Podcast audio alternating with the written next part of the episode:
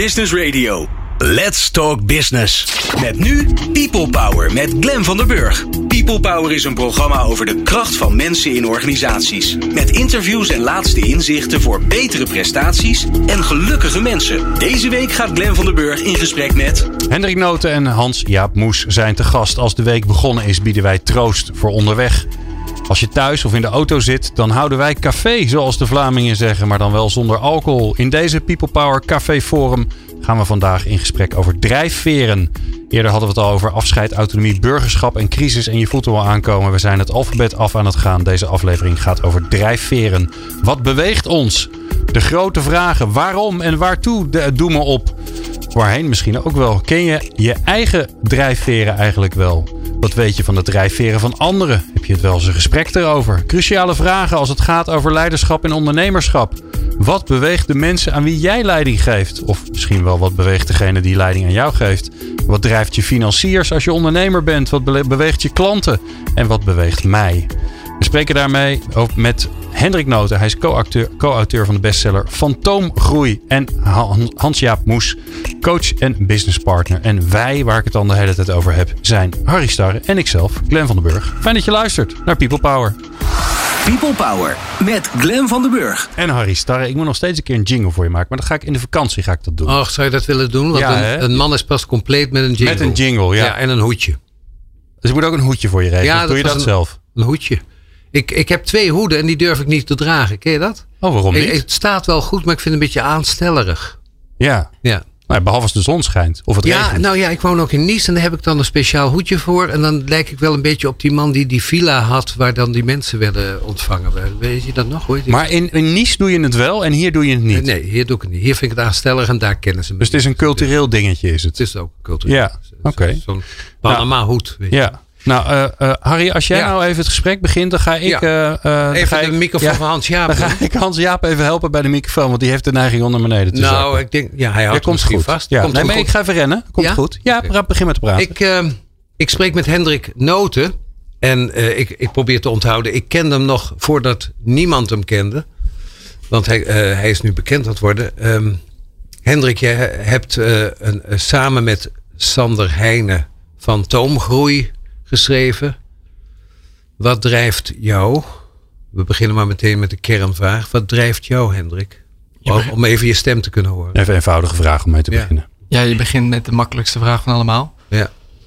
Ik, ik, ik denk dat ik er nog niet helemaal over uit ben. Wat denken je ouders? Dat de, onze Hendrik is toch altijd. Toen ze op de speelplaats op school zagen, zeiden ze: daar is hij toch. En nog steeds, zeggen ze dan. En nog steeds. Heb je een beeld? Van wat mijn ouders denken, denken? dat jou drijft. Die, die houden van jou, ga ik even vanuit. Hè? Dat ja, hoop ik zo. Ja, ja, ja. Ik heb daar een... Uh, ik denk dat mijn vader... Ja? Uh, net een beetje naar zichzelf kijkt. Ja. En denkt dat een van mijn grote drijfveren verontwaardiging is. Oké, okay, verontwaardiging. Waarover? Verontwaardiging? Verontwaardiging over de wereld. Oh ja. Over anderen. Was over je dat als jongetje al? Dat je verontwaardigd was over hoe het ging? Hoe het gaat? Weet ik niet. Ik heb het beeld van mezelf dat ik een behoorlijk vriendelijk jongetje was toen ja. die tijd. Ja, ik maar ik heb wel altijd overal van alles van gevonden. Oké, okay. dus, ja. ja. dat je ja. dus je moet je best doen, nu ook. Ja. ja. Ik, we zitten ook te praten met uh, een man die jij niet kent. Hè? Dat is Hans-Jaap Moes. Dat vinden we het leuke van dit programma. Dat we twee mensen met elkaar in contact brengen en wij met hen. Hans-Jaap, ik, ik kon, introduceer je altijd als HRM, uh, HR professional, human resource professional. Daar ben je, je bent altijd bezig met de menselijke factor, is mijn beeld. Ja, ja.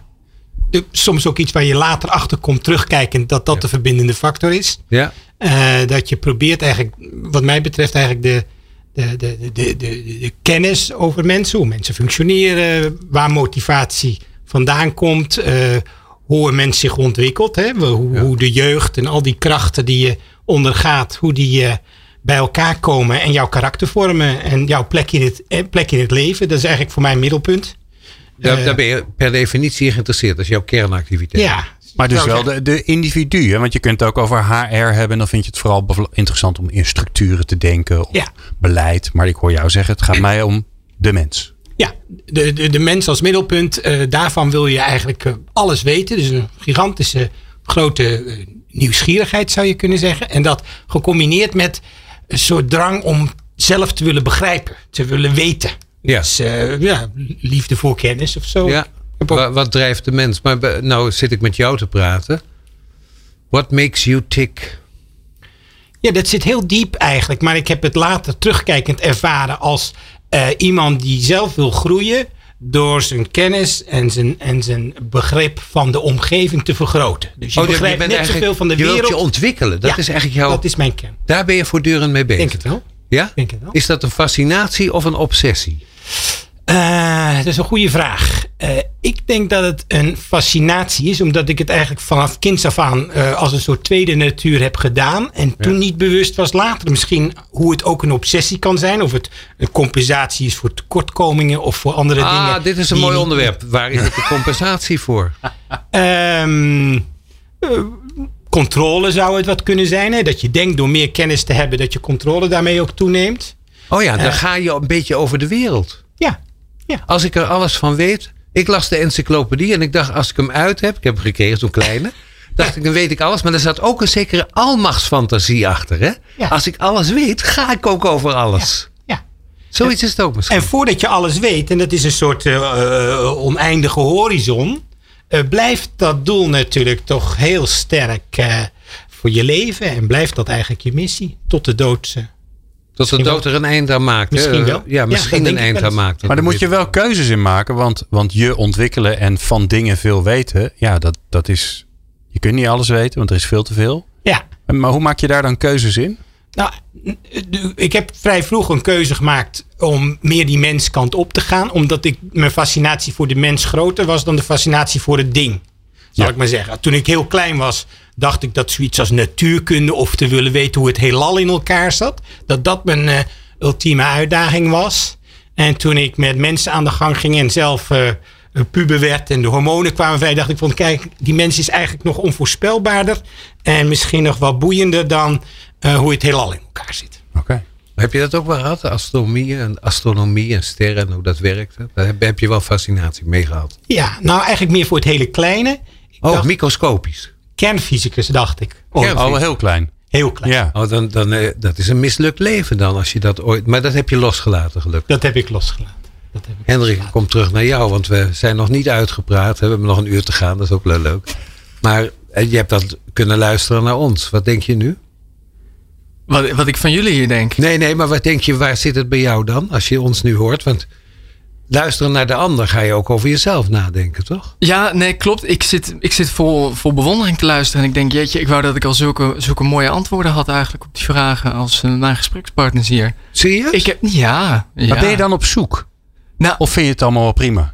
Nee, ik ben wel naar op zoek. Nou, ik zat in de trein hier naartoe. Toen, toen vroeg ik bij mezelf. Ik dacht, nou, ik krijg vast die vraag. Ja. Wat zijn mijn drijfveren? Ik hoopte dat hij wat later in het gesprek zou komen. overigens. Hij komt aan het einde weer terug, hè? Het wordt een cirkeltje. En ik heb, ik heb, wat ik bij mezelf voelde, is dat ik dacht, volgens mij heb ik altijd verschillende kanten in mij die Ja. een beetje tegenstrijdige verlangens hebben.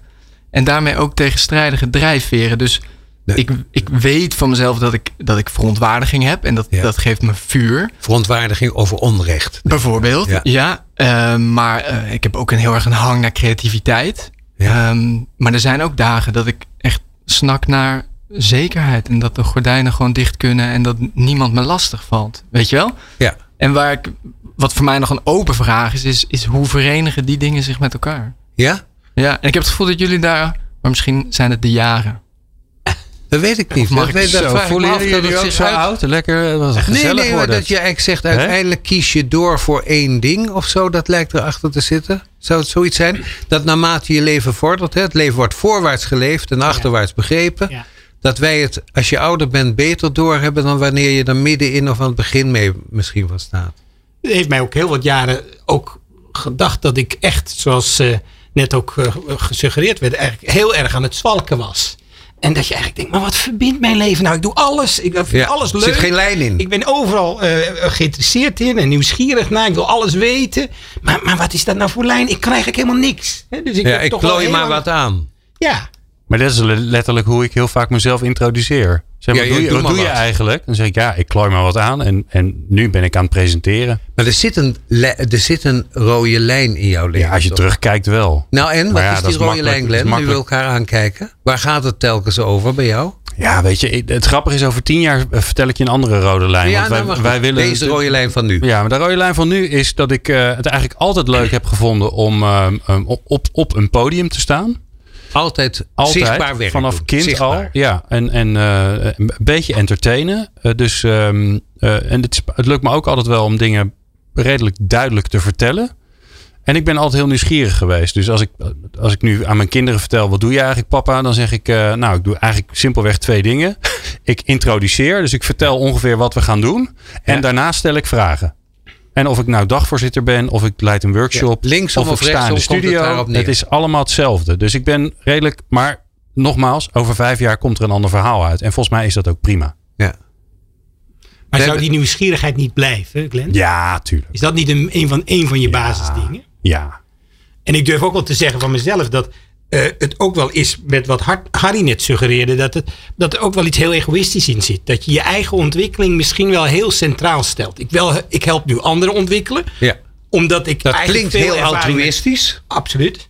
Maar tegelijkertijd doe ik eigenlijk heel weinig dingen waar ik zelf ook niet mij verder in ontwikkel. Door ontwikkel. Dus ik gebruik wat dat betreft de wereld en andere mensen ook wel als een instrument om zelf te groeien. Want Beetje als een dat kunstenaar, toch? Dat is een beetje als een kunstenaar. Dat je je eigen ontwikkeling toch centraal stelt. Want Ja. heel veel mensen Ja. moeten werken voor anderen. Ja. Dus afzien. Ja. En dan zeggen ze, kijk, geld voor. Dan kan ik op vakantie. Althans, dat kon je vorig jaar nog.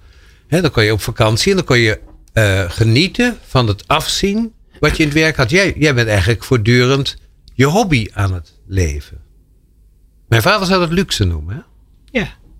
Nou ja, eh, soms vraagt iemand van eh, eh, wanneer werk je en wanneer werk je niet. En Ja. dan een antwoord van een hobbyist zoals ik is eigenlijk van ik maak die, dat onderscheid eigenlijk niet zo sterk. Mijn hele leven, of ik nou als vrijwilliger ergens iets aan het doen ben. Ja, wat doe je of, dan als vrijwilliger? nou, jeugd, school, schoolbestuur of ik werk met kankerpatiënten.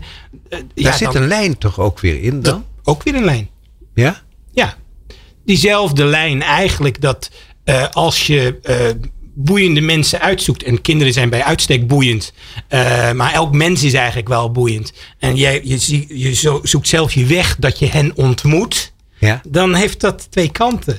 Je, Je maakt verbinding met een ander. En daarmee leer ik weer wat. En door verbinding te maken met die ander, kan ik die ander ook iets geven, waardoor die ander ook wat leert. Jij doet betrekkelijk veel vrijwilligerswerk, hè? dat weet ik van jou toch? Mhm. Ja. Altijd gedaan? Eh, ja, eigenlijk altijd wel gedaan. Hoewel ik ook wel een periode heb dat het werk eh, zoveel eh, tijd opslokt in dat, in dat HR-achtige werk.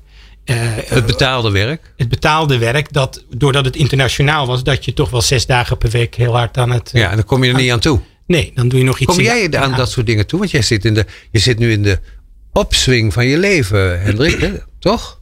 Ja, zeker. Nou, ik heb ook altijd wel veel vrijwilligerswerk, eh, dat soort dingen gedaan. Ja. Ik, vind het wel, ik vind het wel mooi hoor. De vraag, ik vraag me eigenlijk af, want wat je zegt, het heeft iets egoïstisch in mijn, in mijn drijfveer. Ik doe iets voor een ander, maar op die manier doe ik iets voor mezelf.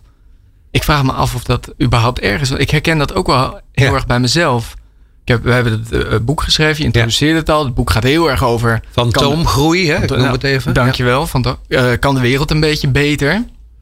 Maar de motivatie om dat boek te schrijven komt uiteindelijk wel eh, uit mezelf. En uit het, het, het plezier wat ik eruit haal om dat boek te schrijven. Het, dit komt voort uit verontwaardiging, toch? Ja, maar die is heel persoonlijk en die is heel individueel. En, en toch zeg je daar iets in het boek over. Hè? Want eh, je vertelt een beetje in het begin, jullie alle twee, hè, twee, twee auteurs, vertellen iets van waar dat boek nou begonnen is. Met een observatie, een vorm van verontwaardiging. Wat was die verontwaardiging?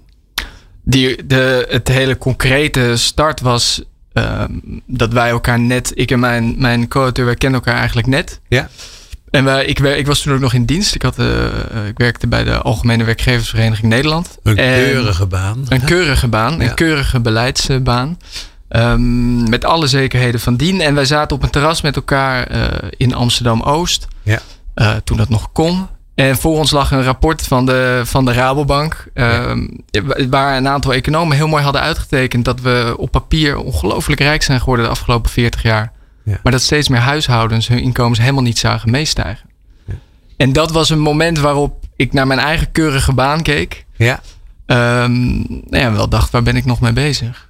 Ja, was, je, was het vals spel wat je speelde? Ja. Ja?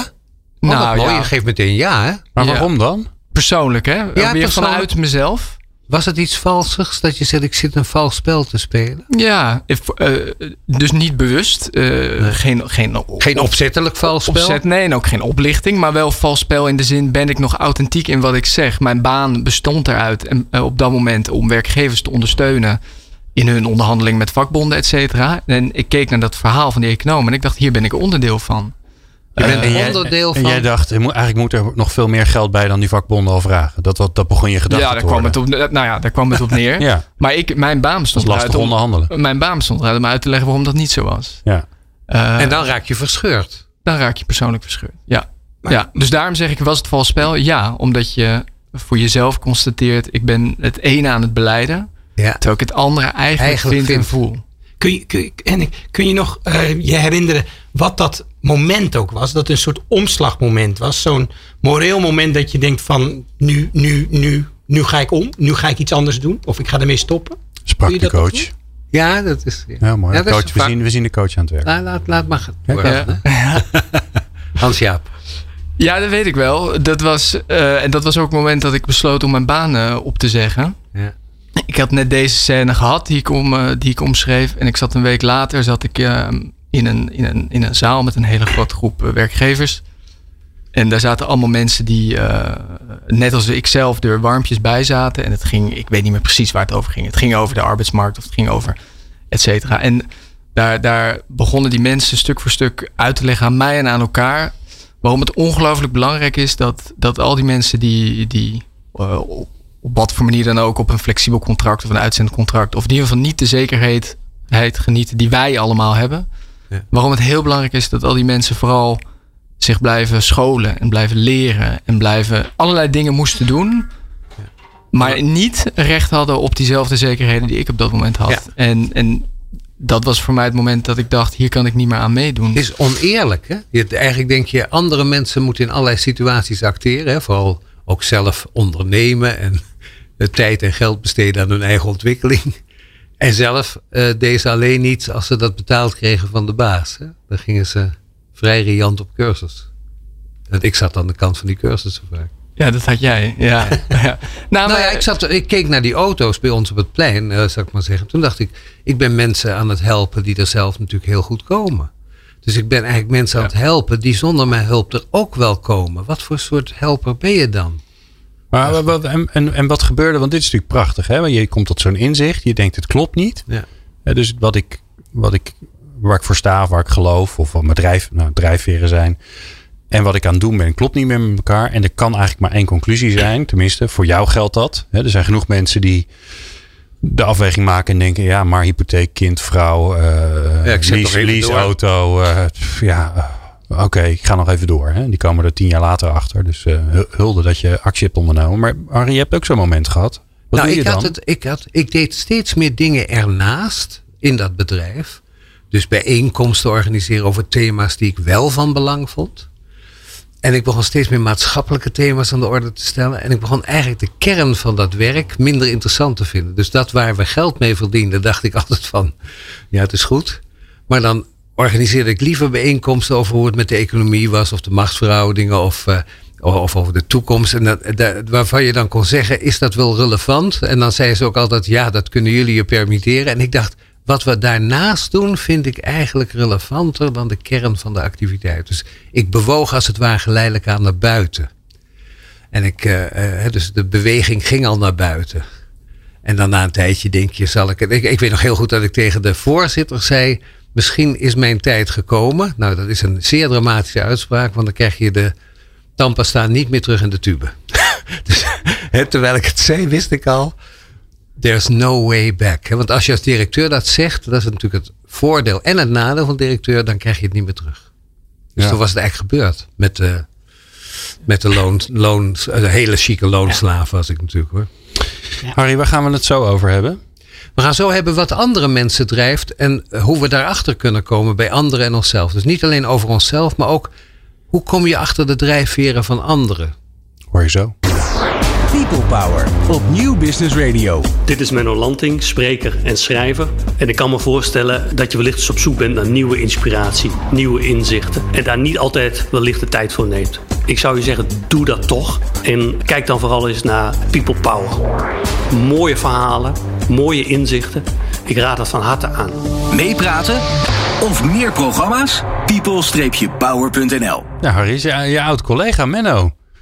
Menno Menno Lanting. Lanting. Oh, wacht, Ja. die herken ik, ja. Ja. Ik heb eh, in zijn eerste boek het voorwoord mogen schrijven. Kijk. Ik er staan heel veel eerste boeken in het voorwoord. Ja? Daarna nooit meer. Nee, daarna vragen ze je niet meer. Dan ben je niet meer, begin. ben je niet meer nodig. Maar de, Menno is een, eh, werkte bij de Baak. En natuurlijk Ja. een hele talentvolle man. Die het, eh, ja, echt een guru is geworden. natuurlijk. ja. Ja. ja, en nog steeds heel aardig is. Dat, Ja, dat, ja, eh, ja. dat zie je ook wel eens eh, anders. Ja, dat zie je wel eens anders. Glenn.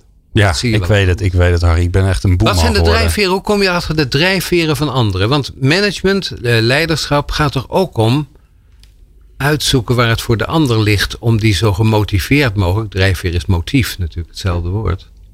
Ik zie jou knikken, Hans. Ja. Ja, ja. Nou, Het is altijd een, een centraal thema wel geweest in activiteiten van een HR-manager, maar ook van zelf uitvoerend met andere mensen eh, proberen resultaten te bereiken. Dus ik, heb wel, ik zie wel eh, patronen die steeds maar weer terugkomen. En het is eigenlijk, eh, ik wil niet college geven, maar er zijn eigenlijk altijd drie centrale dingen die een rol spelen. Ja? Eh, iemand moet ruimte hebben om zichzelf te zijn. Hè. Noem het maar autonomie. Moet, moet iets van zichzelf in kunnen brengen. En niet een radartje zijn in het radarwerk van... In het spel van iemand van- van- anders. in het spel van iemand anders. Eh, het tweede is dat dat wat hij of zij doet... moet een zekere eh, zingeving zijn. Moet hij of zij vooral zelf eh, belangrijk vinden om dat te doen in het, Het moet leven. hè betekenis hebben. moet betekenis hebben juist voor die persoon. Niet algemeen maatschappelijk. Dat kan ook, dat helpt. Hè? Als Ja. het algemeen maatschappelijk ook al betekenis heeft, hoef je zelf minder betekenis van binnenuit te halen. Ja. Maar als je bij een belastingdienst werkt of bij de politie. Nou, of van auto's houdt of van techniek, dan, dan wil je. Hè, Precies. toch? Dat mag Ja. ook zoiets zijn. Het hoeft niet Ja. hoogdravend. eh. En een derde element is dat elk mens toch op zoek is naar dingen die hij nog niet eerder heeft gedaan. Dus dat er een, een vorm van groei moet zitten. En die drie. eh, Uitdaging. Er moet wat er uitdaging. moet altijd wat uit. En mensen willen voorbij de cent. Dus als je steeds mensen cyclisch werk geeft, Ja. dan, dan eh, raken ze daarvan verveeld. En dan zal de motivatie zakken. Na verloop van tijd heb je het gehad achter de vuilniswagen. Precies. Toch? Dan moet En- je er iets anders En in als doen. die drie die dingen, één van die drie zakt, van die drie, Ja. hè, dus eh, eh, wat zelfverwerking of groei, autonomie en, en purpose, zoals wel eens Ja. als je hoort, hè, zingeving, dan zie je mensen in organisaties eh, eh, hu- dat hun motivatie zakt. En sommige, autonomie bijvoorbeeld, beperking leidt zelfs tot zieke mensen. Burn-outs en andere dingen hebben te maken met jij mag er niet zijn, Hendrik, jij mag er niet zijn, Harry. Eh, ik Je gaat niet meer over je eigen leven. Ik bepaal wel wat er hier gebeurt. Ja. En, eh, Als nou, een ander over je gaat, eh, dwingt je dat bijna naar burn-out als je niet oppast. Ja. Jij, Hendrik, jij luistert naar die drie motieven. Eh, herken je die voor jouw eigen leven? Ja die, ja, die herken ik heel erg. Ik heb ook wel een vraag. Ja? Wat, wat ik er wel heel erg in herken. ehm, wat, ze zijn heel erg individueel. En ik- wat ik nog. Wat mijn vraag zou zijn, is: ontbreekt niet het werken in een context, het werken met collega's, het, de gezamenlijkheid. In hoeverre speelt dat ook een rol? Dat is wel iets waar ik in mijn eigen zoektocht tegenaan ben gelopen. Deel van een team zijn. van Ja, een grote ik vind club. de, de, de, eh, ik heb enorme energie gehaald uit mijn, uit mijn project. Eh. In het schrijven, daarin kan je soms een plezier vinden op het moment dat je echt iets maakt. Wat ik zeker in 4,5 jaar beleidsrapporten schrijven absoluut nooit heb gehad. Maar ik loop ook wel tegen de eenzaamheid aan bijvoorbeeld. Daar ben ik me wel vragen over gaan stellen. Ja. Ik vraag me af hoe jij daar naar kijkt. Nou, de, de, eh, ja, je hebt gelijk. Dit is de, het als startpunt. Ergens toe horen, ergens Er- sense of belonging. Belonging. Ja, ja. Maar via de, de, de, beetje de zingeving, daar waar jij voor kiest, daarin zit een heel sterk element. Of jij kiest om misschien wetenschappelijk aan de gang te gaan, of, of eh, je, je, je eigen eh, strijd eh, op te bouwen, of dat met, samen met anderen doen. Dus heel veel mensen zien als een, als een zingeving, juist om samen met anderen dingen te gaan doen. Maar dat geldt voor jou misschien wel minder, want je bent natuurlijk wel echt een man op jezelf in de wereld, toch? Dus misschien is, zie je dat als wat minder belangrijk, omdat het voor jou wat minder belangrijk is. Nou ja, kijk, ik zei al eerder, eh, eh, de mens is mijn, is mijn subject en mijn object. Ja. ik, ik kan niet zonder. Hè? En daarin kun je zeggen van, goh, jij hebt de mensen Maar nodig. ik hoor jou zelden praten over waar je toen werkte en dat was zo'n fantastisch bedrijf, of wel? Eh, ja, dat, dat, zit, dat zit er wel in. Maar, maar als je heel individueel. eh, jij noemde dat eerder een soort kunstenaarschap. Hè, als je van ja, je eigen creativiteit gaat. Dan is heel veel werk wel uitwisselbaar. Hè? Dus het, het, Ja. als het nieuw is. Daarom, daarom gaat het zo goed met die start-up cultuur. Want daar zitten alle drie die elementen fantastisch in. Hè? Iedereen Ja. wil dat je een cultuur hebt zoals in een start-up. Want wat is er in een start-up? Het is allemaal nieuw voor ons. We hebben het allemaal nooit eerder gedaan. En we gaan aan de gang met fantastische ideeën. Want we hebben ideeën over duurzame wereld of prachtige technologie enzovoort enzovoort. Ja, en maar, eh, bij, ik verplaats me, probeer me te verplaatsen, ik weet niet of ik het goed doe. Hendrik, je hebt veel gewonnen met het schrijven van het boek, autonomie. Maar je loopt ook het gevaar dat je er niet meer bij hoort, toch? Ja, ja. En, en zet je nou te zoeken naar een nieuwe plek? Of zeg je, of wat, want ik hoor jou niet zeggen, ik wilde altijd graag op mezelf werken. Nee, nee, Nee. Dat, is, eh, dat is voor mij eigenlijk. Nee, dat is geen drijfveer geweest om dit te gaan doen. Nee. Eh, de drij, dus de, Waarom was je niet gewoon gebleven, had je het boek geschreven? Had je en ergens Ja. bij gehoord en je had het boek kunnen schrijven? Of was dat ondenkbaar? Nee, dat was ondenkbaar. Ja, ja want ik denk dat dat misschien wel het dilemma is van ergens bij horen. Hè? Je, je, Je levert in. Ja, ergens onderdeel van uitmaken betekent volgens mij, in mijn ervaring in ieder geval tot nu toe, dat je altijd een stukje van jezelf weg moet laten. Je, je kan bijna nooit met je hele zelf ergens bij horen. Ehm, en zeker niet als je de scherpte gaat opzoeken, omdat een, een collectief moet ook een soort harmonie hebben. Maar je had ook bij een krant kunnen werken. Dan kan het. Dus er zijn omgevingen. Want Sander is toch eigenlijk een journalist, jouw co-auteur. Ja, ja. Die hoort, hè, die hoort wel ergens bij, maar die hoort erbij omdat hij autonoom is. Dat zijn toch ook vreemde samen. Maar Harry, zeg je nu dat journalisten ehm, heel autonoom zijn? Nee, die zijn niet heel autonoom, maar die. De, de, de, de AWVN kan ik me voorstellen, want dan moet je in het beleid passen. Dus Ja. dan kun je niet de werkelijkheid autonoom vormgeven. hè. Past het niet, dan kun je het niet zeggen. ja. moet het uit de beleidsnota. Terwijl je zegt het hoort in het boek. Maar ja, er zijn natuurlijk omgevingen waar dat weer gewaardeerd wordt. Ja. Ja. Dus de, ik, zie je jezelf weer terugkeren naar een organisatie?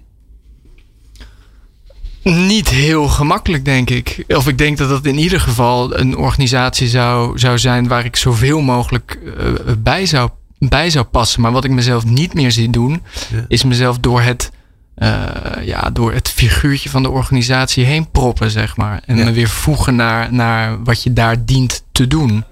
Ehm, ik denk, dat herken ik wel in wat Hans zegt, dat als je die vrijheid helemaal gevoeld hebt en Ja. ook zelf hebt vorm hebt mogen geven, dan zie ik mezelf die niet meer inleveren. Nee, dat lijkt me niet. eigenlijk ondenkbaar. Niet meer terug in de Nee. kooi. Dan moet het wel Nee. een bijzondere kooi worden. Maar er zou een organisatie kunnen zijn die zegt: Joh, jongen, Hendrik, we hebben je boek gelezen. ja, kom Kom bij ons. hier maar vertellen. Zeg eens waar dat zou kunnen zijn. Ik bedoel, hè, niemand luistert hoor.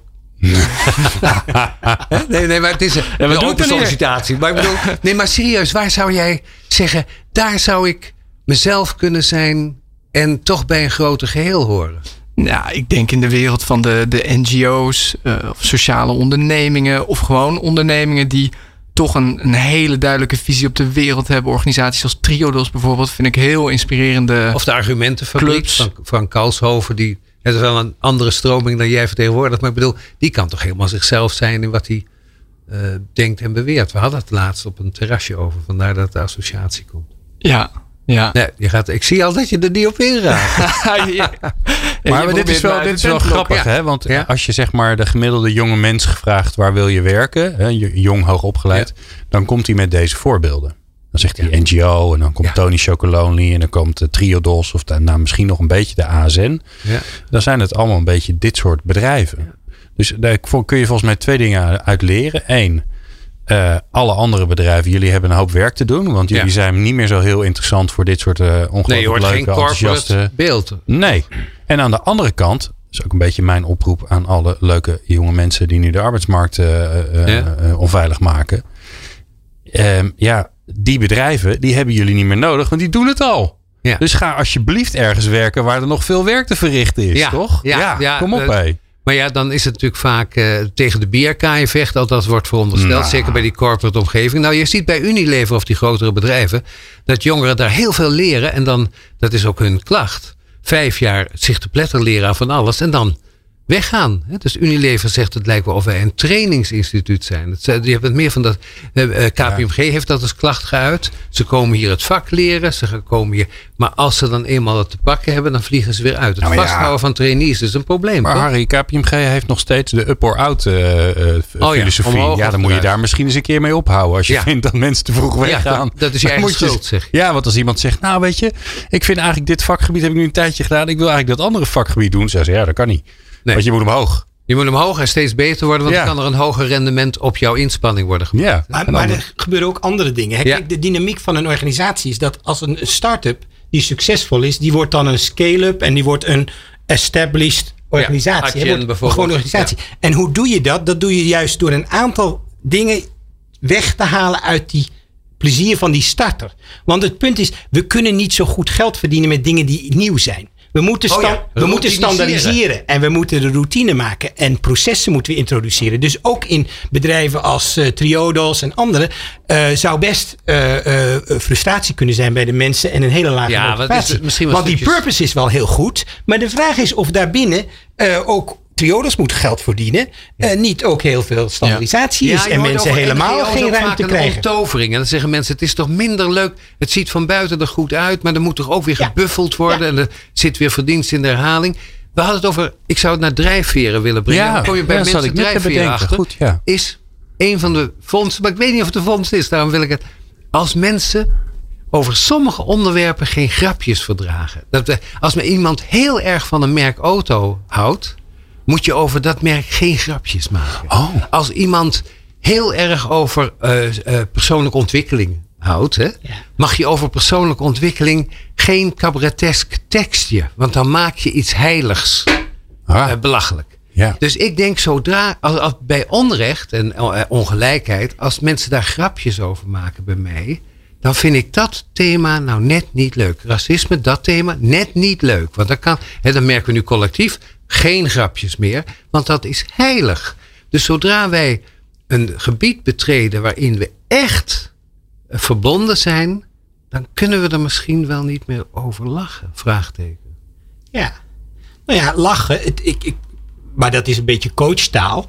Daar in die gebieden, op die punten, ligt wel iets wat heel belangrijk is om te onderzoeken. Want er kunnen verschillende dingen aan de hand zijn. Ik bedoel, ik ben, je bent volstrekt oprecht. Maar het kan zijn dat je meer begrijpt van jezelf als je je afvraagt. Die trigger van elke keer als we het over onrecht hebben en dan, en dan Ja, schiet. daar eh, kan ik niet geen- dan geen- schiet, dat vind ik- dan schiet Harry in een kramp. Ja, word ik Wat is er nou aan de hand? Ja. Waar komt dat vandaan? Dus voor jouzelf leren. Eh maakt dat je dat misschien wat re- kan relativeren, in context plaatsen. En het misschien kan voorkomen voor een deel. Omdat het ook wel onhandig is om midden in een gesprek te zijn. En dan heel emotioneel te worden over. Ja. eh, over eh, Zeggen mensen nou, ik, wat is er nou weer aan de hand? wat, doet hij? Jij Ja, loopt weg uit een vergadering. Of je begint plotseling even te schreeuwen. Of je doet heel onaardig tegen iemand die dat echt niet verdient. Ja. Dus ik vind altijd punten waar je, waar je op reageert. En met name emotioneel reageert. Dat zijn de dingen waar je, noem het een trigger. Of iets vanuit jezelf gekoppeld is. Wat het goed is om, Een om te een vriend van mij kan niet tegen grapjes over Steely Dan. Echt Dus waar? serieus, ja, die houdt zo van die club. Dat als je dan zegt, eh, hè, we vinden een beetje gekke teksten. Hè, wat Ja. zijn een beetje gekke teksten. Ja. Dan, ja, dan zit, zit je eigenlijk belachelijk. Zit je de poëzie van Steely Dan belachelijk. Ah. En daar heeft hij misschien stukje eigenwaarde aan ontleend. Of eh, weet ik veel grote liefde op het strand en Still I Dan. En elke keer als iemand het dat jou? ontkent. Waar, waar, waar moeten ze bij jou geen geintjes maken? Ja, ik zit te denken, bij mij mogen ze bijna overal gaantjes mee Ja, echt maken. waar? Ja, joh, want dat is voor mij ook veel meer de manier om er juist mee te, Wanneer mee was te je dealen. boos over je, dat iets, iemand iets zei over je boek? Dat je zei van, dat vond ik wel gemeen of onrechtvaardig. Is, er, als, is dat al gebeurd? Want je bent volop geprezen. Nee, ik krijg veel kritiek. Ehm, de, alles in de categorie je moet terug in je hok. Dat is Ja? wel de allergie. Ja, ja, ja, ja. Terug Ja, in je hok. Terug in je hok. Ja, Ja. je moet Oh. je plaats weten. ja, ja zeker. Je bent geen econoom, je bent een broekie. Waar praat je over? Je hebt een pamfletje gemaakt. Pamfletje, Oh. boekje. Ja, ja. ja, Ja? Dan, dan, dan gaat het licht wel uit. Maar dat is heel persoonlijk natuurlijk. Ja, nou, maar daar zijn we op uit. Van, dus als jij niet serieus genomen wordt, klein wordt gemaakt. Ja, Je mag er niet bij zijn. Ja. Wat denk je wel? Ja, Was je daar ook bang voor dat dat zou gebeuren? absoluut. Ja? Ja, ja. Valt het mee? Het valt tot nu toe reuze mee, maar tot nu toe, tot nu, toe. Nu, nu voel je me aan de tand. Ja. Nee, eh, de, de, eh, je mag niet bij zijn, ken je plek, eh, wie, wie denk jij dat je bent om? Ja. Die, die komen altijd heel erg binnen. Ja. En dan is woede wel de eerste reactie, heel primair. Je wordt weggezet. Ja. En die angst, eh, ja, die had ik absoluut. Ja, ja, Ja? ja. Van dat, dat je er niet meer bij zou mogen horen ook. Voor altijd werd uitgestoten. Nou, de, eigenlijk dat denk ik niet eens zozeer. Maar veel meer de vraag... ehm, eh, zou het antwoord daarop niet ook misschien ja zijn, weet je wel? Ja, dat komt veel Is meer aan. misschien niet goed genoeg? Ja, natuurlijk. Ja. Ja, die twijfel, die, die, of althans, die voelde ik heel erg zeker. Wat is je indruk bij hem? Die zat er min, zit er minder mee lijkt. Hè? Ja, die, zijn, zijn ego helpt hem een stuk beter door dat soort processen heen. Ja, en dat is overigens ook heel prettig. Ja, hè? Ja. Nee, maar die feedback krijg ik ook. Hij zegt gewoon, jongen, je moet gewoon wat arroganter zijn. Het is eigenlijk wel safe om het met z'n tweeën te doen. Je ziet heel veel auteurs met z'n tweeën tenminste beginnen. Met z'n tweeën. Ja, Ook bedrijven beginnen. De meeste bedrijven worden begonnen niet door één persoon, maar door twee. Samen durf je het aan. Ja, maar ik denk dat twijfel, angst, onzekerheid, dat zijn emoties die er volgens mij heel erg bij wat voor project je ook start. Wat voor, want het is een, een soort, ja, je onderneemt iets. Ja. eh, en dat dat samen doen en dat kunnen delen met iemand anders, dat helpt volgens mij in ieder geval om over die hordes heen te? Had stappen. je, alleen had je het niet gedaan. nee, waarschijnlijk. Je had het wel gekund, toch? Ja, ja, maar dan had ik het waarschijnlijk niet gedaan. Weet je waar ik zo wel benieuwd naar ben? Maar dat schiet me eigenlijk net te binnen. Dat, hè, maar dat, het komt natuurlijk ook omdat eh, het boek wat je geschreven hebt, Hendrik. Vaak zorgt zo'n drijfveer er ook voor dat je over een hobbeltje heen gaat. Ja. Ja. Hè, dus dat je iets durft wat je normaal misschien niet durft. Ja. Ben ik zo heel benieuwd naar. People Power. Inspirerende gesprekken over de kracht van mensen in organisaties. Met Glen van der Burg. En Harry Starre. Ik eh, ben erg gefascineerd door mensen die zeggen: wij denken dat drijfveren van binnen komen, maar ze komen natuurlijk ook van buiten. Dat kennelijk en vogue is. Wat, eh, iedereen ging samenwonen toen iedereen ging samenwonen. Eh Renate Rubens zei ze ooit: wij denken we worden verliefd vanuit onszelf op de ander, maar je kunt ook door je verliefd te gedragen verliefd worden. Het kan van buiten komen naar binnen gaan en van binnen weer naar buiten gaan. Wat is van jou, wat is van mij?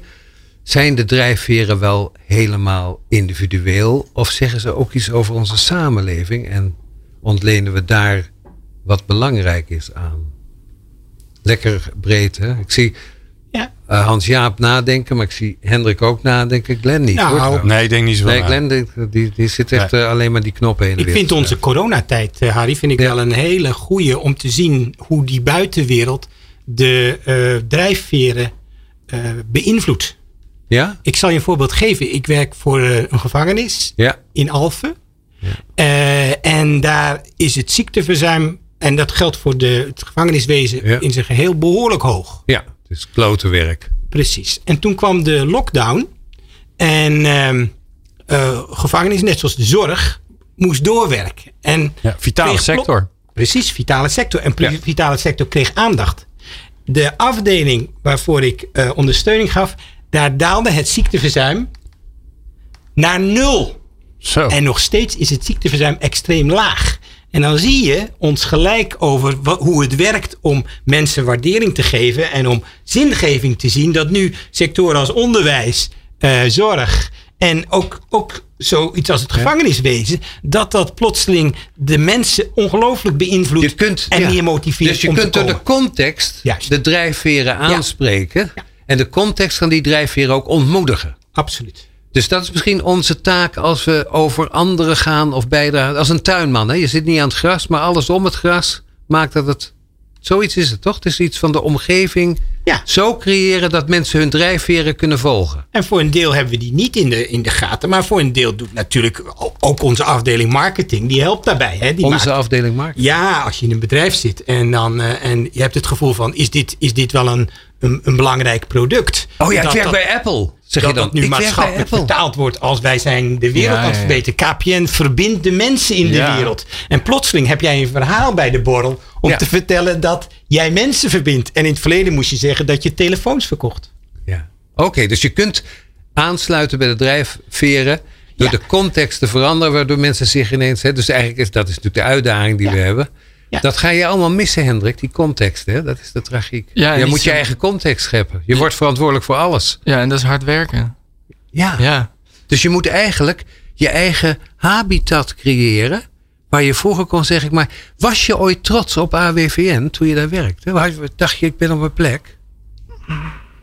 Oeh, wat een, wat een eerlijke vraag. Nou, niet trots op die manier. Nee. Nee. Ik denk dat ik trots was op het werk dat ik deed. Ja. Dat ik werk had. Al die dingen. Invloedrijk werk had je toch? Ja, of nou ja. Ja, vond ik in ieder geval van wel. Ja. Eh, trots op het hebben van een baan. Trots op gewoon de- de- de- Ja. dat ik gewoon daar mijn geld mee kon verdienen. Trots als in... Met een intellectuele arbeid, dat is toch ook heel bevredigend dat je dat met je hoofd kan doen. Ja, zeker. Ja. Maar, Maar ik hoor, op het de was het niet, hè? organisatie? Nee. Nee, nee, dat niet. Maar ik vraag me dus, ik vind het, Ja. het, eh, in het voorbeeld wel mooi, omdat het, jij, jij, jouw vraag was eigenlijk, kan het ook veranderen? Ja, verschuiven in de Eh, tijd. Verschuiven in de tijd. En, en waar ik wel heel erg mee bezig eh, ben, ook zelf, is eh, ja, wat waarderen we als samenleving met elkaar? En wat vinden we Ja. van waarde? En waar kennen we waarde aan toe? Daar kunnen we mensen dus mee beïnvloeden te zeggen, tegenwoordig gaan we toch meer voor. Ik merk in mijn omgeving, als je daar opschept over je auto, wat toch 30 jaar geleden niet ongebruikelijk was onder jongens, dan word je nu grinnikend. Nee, dat, dan ben je heel... su- Ben je Dan echt ben je toch een suk- Nee, Dan ben je een toch. beetje... Ja, Als je al een auto hebt, heb je gewoon een Tesla. En die zijn eigenlijk allemaal hetzelfde. dat is Ja. ook zo. Ja, toch? Dan ben je Ja. sukkel, toch? Als je, vroeger zei ze, zag ik jou nou aankomen rijden in? Of het eerste was, waar rij je in? Want dat zegt iets over wie je bent. Ja. Allemaal weg. Ja, dat is denk ik wel voorbij. Ik denk dat je dat ziet verschuiven. Het is niet dat het weg is, hè, want er worden nog steeds het meeste SUV's verkocht. En, eh, en Ja. De Nou, auto als heilige koe is nog, is, is nog niet voorbij. kwijt. Nee. Maar je ziet een verschuiving dat mensen autobezit minder belangrijk vinden.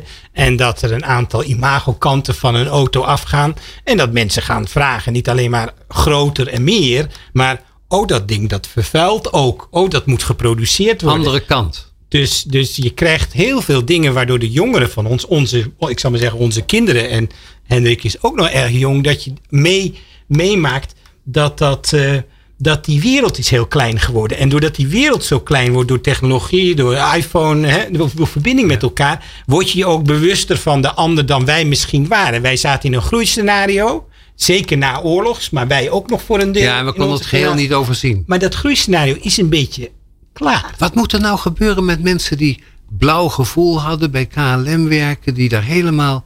en die je, dat, die je dan de krant lezen dat dat bedrijf het niet meer waard zou zijn? Wat moet er met die mensen gebeuren? Nou, en Harry, wat dacht je van... Ze dachten dat heel Nederland trots was op dat bedrijf. En Ja. nu zegt iedereen 3,4 miljard Ja, voor vliegtuigen. ja. Dat, What the hell? dat, dat dus vroeger je- was je trots dat je daar Ja, werkte. En nu, nu, moet je, ha- nu zeg je, ja, sorry, ik werk bij KLM. Je bent Ja. een soort eh steun, profiteur. geworden. Ja. Ja. Ik zou mensen geen verwijten willen maken, maar wel dat dit een voortschrijdend inzicht is. Of dat we met elkaar de bewustwording, dat we dat moeten accepteren. En dat levert misschien ook wat emoties op. Eh, maar dat we naar een, naar, toch naar een volgende eh, fase toe moeten. Ja. Waarin de oude groei en de oude eh, blauwe trots wat gerelativeerd wordt naar een nieuwe blauwe trots. Waarin een aantal elementen en waarden zijn geïntegreerd. Die wij steeds belangrijker vinden. En waar we Hans met name en door de zullen we dan- bewuster zijn Zullen we dan ook durven erkennen dat we dan weer in een fase zitten waar we straks weer van zeggen: Och, och ja. En wat we, nu denken mensen dat is de laatste fase van de trots, maar straks zeggen we na die fase ook weer: Och ja. Is dat denkbaar? Eh, nou, Nee, hè? dat kun je niet goed bedenken. Het is heel moeilijk. Het is heel moeilijk om te zien hoe dit ook weer, Weer, terugkomt. ja. En hoe we dat integreren. Moesten we allemaal bij een groen bedrijf werken, weet je wel? Oh, ja. Maar weet je wat wel grappig is? Dat, dat eigenlijk, nu hebben we, laten we even KLM als voorbeeld nemen, Ja. omdat het nu zo heftig is. Dat er eigenlijk, ehm, we hebben heel veel dingen voor groei. Hè, Een beetje aansluitend op het boek uh, Toom geschreven Gooi, ja. hebt. Ja. Hè? Daar hebben we heel veel dingen voor. ja. Business development en eh, nou, allemaal dingen voor. Ja. Hè? Change en bla bla bla. Maar voor afbouw, Ja, daar zijn geen functies voor. Nee. Hoe heet dat? Nou ja, we- Ja. De, eh, over bergbeklimmers. het is wel hè. werk. Bergbeklimmers, alleen maar bergbeklimmen. Weet je wat het moeilijkste is bij bergbeklimmen? Bergafdalen. Afdalen. Bergafdalers. Afdalen, nee, daar gebeuren de meeste ongelukken. Dan heb je namelijk de, eh, de zwaartekracht in de rug. Dat is echt bloedlink, want dat duwt naar vallen. Ja, en ik krijg last van je knieën. Eh, eh, last van je knieën. Ja. En, en toch hebben we over dat hele afdalen. Ook in ons leven, Hans-Jaap. hè, dat- dat- Jij bent wat ouder, ik ben misschien nog iets ouder. Dat, dat, dat, dat negeren we tot het zover is. Maar er zit geen heroïsch verhaal achter afbouwen. Er ik, zit zie een geen gro- ik zie een groeimarkt. Oh nee, daar gingen we nou net mee stoppen. Ja, zie? Ja. Ja, maar naar meer dan Dat wordt 50% is ouder dan 50 in Nederland nu. Nee, maar we hebben dat, dat, dat, hoe je daarmee omgaat, dat weten wij niet. Ja, ik praat te lang, hè? Nou, nou, dat valt. Nee, je praat niet te lang. Het uur is te kort. Oh, dat is ook mooi gezegd. Ja. Eh, red ons even, Harry, want waar we hebben we twee over gasten, gehad. Harry? Ja, waar, gaan, waar hebben we het over? Laten we het dan eh, aan elkaar vragen. Waar ging dit over? Waar ging dit nou over?